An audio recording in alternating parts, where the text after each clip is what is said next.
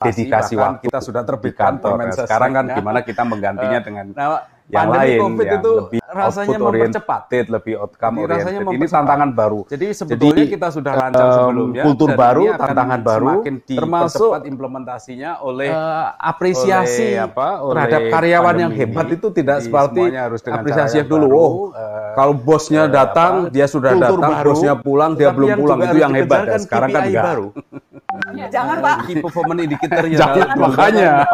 Jangan. Makanya saya selalu mengatakan karyawan yang hebat itu birokrat yang hebat ya, itu birokrat kan yang dihitung dari eh, minimalnya apa yang memberikan kan kontribusi yang hadiran bagus untuk waktu uh, kelembaganya untuk kan masyarakat untuk bangsa tetapi juga sedikit energi yang dia keluarkan ingat ini tantangan baru. harus punya waktu Jadi, dia uh, bagi dia untuk kultur baru, hidup, tantangan itu. baru, termasuk masa, kontribusi identik uh, dengan sengsara ya janganlah. Terhadap kontribusi tapi juga bahagia gitu. Apresiasi ini, ini oh, new kalau, kalau tadi datang, tadi dia katanya Putri tadi kan pulang, dia new normal itu yang gitu. hebat. Ini ya, new normal, enggak. semuanya harus belajar membangun Jangan, new normal ini. Jangan makanya. Dan dan dan Jangan. memang rasanya kuncinya itu karena untuk apa kita kembali ke normal yang, lama ketika normal yang lama itu kita merasa uh, polusinya iya, uh, hidup yang hidup tidak tidak untuk, apa namanya terburu-buru untuk masyarakat uh, semuanya rasanya kita mengejar sesuatu yang yang kemudian tidak konkret gitu. Jadi untuk apa kembali ke yang dulu setelah sekarang kita bisa merasakan ada loh hal iya, baik yang bisa kita dapatkan sekarang. Iya, iya, iya, iya. Ya, ini intinya kan uh, saya kira Mbak Nana juga kan harus anu membuat normal baru dalam dalam bekerja, mungkin di rumah juga. Yang Mbak hmm. Nana mungkin tadinya nggak sempat masak, sekarang sering masak.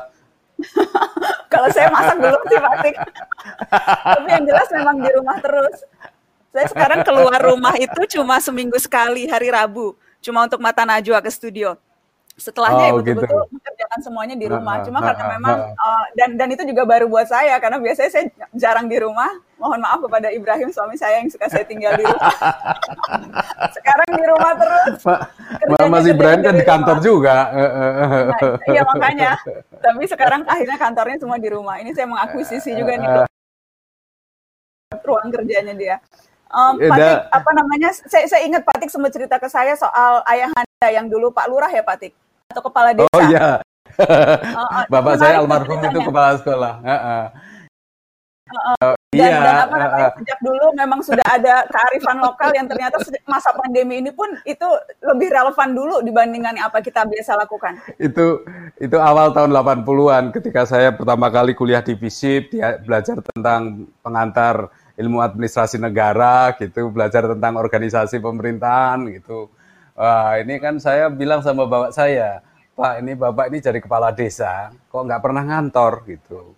Nggak pernah ngantor itu gimana? Itu kan, anu, apa namanya, udah dikasih apa sawah bengkok kalau di, di kampung namanya sawah bengkok oleh oleh negara kok bapak nggak kerja di kantor.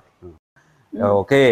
uh, beliau bilang gini, ayo uh, kapan kamu kalau pas libur saya ajak anu ke kantor anu ke balai desa gitu. Kita nongkrong di sana seharian, ya nggak ada yang datang. masyarakat nggak ada yang datang karena masyarakat pada pergi ke sawah gitu. Masyarakat e, mem membutuhkan pemerintah desa, administrasi pemerintahan desa justru setelah selesai dari sawah itu artinya apa? Habis maghrib gitu. Hmm, habis hmm. maghrib jam kerja bapak saya itu habis maghrib di rumah ya eh, sampai malam melayani masyarakat, ngobrol dan seterusnya, rapat dan seterusnya.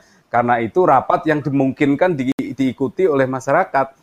Eh, jadi, anu ini kan bagaimana kita ini eh, apa namanya serve klien dan tahu tentang karakter klien, kondisi klien. Nah, sering kali kita nggak nggak sensitif terhadap itu karena sudah terformalisasi eh, yang mungkin bagi kultur masyarakat lain pas tapi tidak pas bagi kultur kita. Mm, mm, Uh, ya, bagi dan, kultur dan, kita kan juga pas.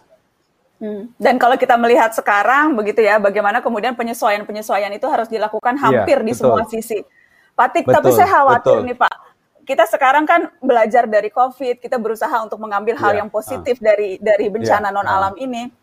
Tapi uh, manusia itu kan tempatnya lupa, Pak Tik.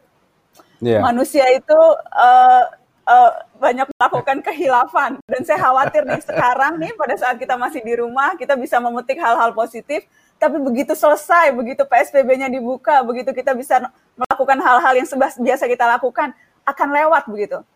Jadi iya. kuncinya yeah. bagaimana membuat hal-hal baik yang kita lakukan sekarang bisa terlembagakan. Kalau kita bicara ke pemerintahan yeah, misalnya, betul. bagaimana yeah. yang bagus-bagus ini yeah. diajakkan supaya supaya nggak lewat aja gitu, Pak Tik. Dalam berbagai uh, sebagaimana juga disiarkan di, di media ya, Pak Presiden kalau mengantar kabinet kan selalu mengatakan bahwa kita harus menyelesaikan masalah yang kita hadapi saat ini. Tetapi apa yang kita hadapi saat ini, ini adalah juga semacam stress test ya bagi kita untuk melakukan menjawabnya dengan reform yang lebih fundamental gitu.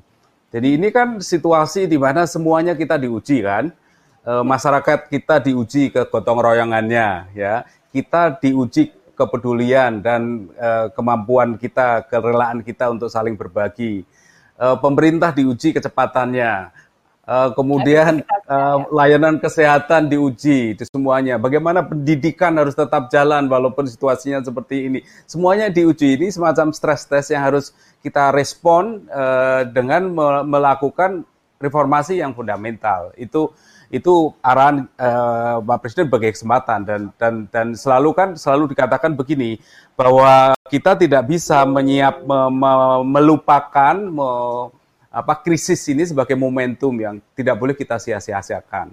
Nah, kita memang pelembagaan itu ya satu tentu saja secara kultural bagaimana ini di eh, diapresiasi, bagaimana masyarakat juga merasa bahwa ini yang lebih baik gitu. Eh, tetapi juga biasanya kalau apalagi kalau di pemerintahan itu pasti nanti larinya harus formatnya regulasi ya, KPI. Jadi ada aturan yang dipaksakan bahwa harus begini, harus begini. Kemudian ada alokasi apa, ada program yang setelah ditetapkan, kemudian alokasi anggaran yang didedikasikan eh, dan seterusnya eh, dan dan itulah yang akan menjadi new normal tadi, pelembagaan normal normal, normal baru yang yang itu memang tidak uh, harus segera dilakukan saat-saat ini gitu. Saya menyaksikan ya uh, sebagai orang yang mantan uh, orang lembaga pendidikan, uh, saya dulu sebagai rektor uh, memfasilitasi